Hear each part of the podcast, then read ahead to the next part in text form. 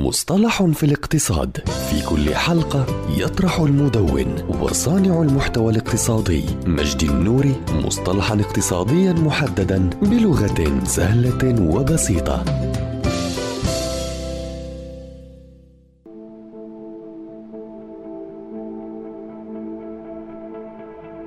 تخصيص الأموال أو تقسيم الموجودات. هو التقسيم الذي يختاره الشخص المستثمر لاستثمار أمواله في عدة فرص استثمارية أو بمعنى آخر التقسيم الذي يختاره المستثمر لاستثمار أمواله بين أسهم وسندات وعقارات. ويعتبر من السياسة المالية للمستثمر البحث عن توزيع مناسب لأمواله من بين الأنواع الاستثمارية المتاحة بحيث تعود عليه بأفضل ربح وأكبر عائد مع تفادي. بقدر الإمكان المجازفة حتى لا تهدر أمواله أو جزء منها. ويعتمد تخصيص الأموال الاستثمارية على حقيقة أنه من الصعب التنبؤ بأي من الاستثمارات سوف يحقق أحسن ربح في آخر السنة أو في آخر فترة معينة والتي قد تكون عدة سنوات. وعلى الرغم من أن أحد الاستثمارات قد يبدو مغريا إلا أن تقسيم المال على عدة أنواع من الاستثمارات تحد من المجازفة والخسارة الكبيرة.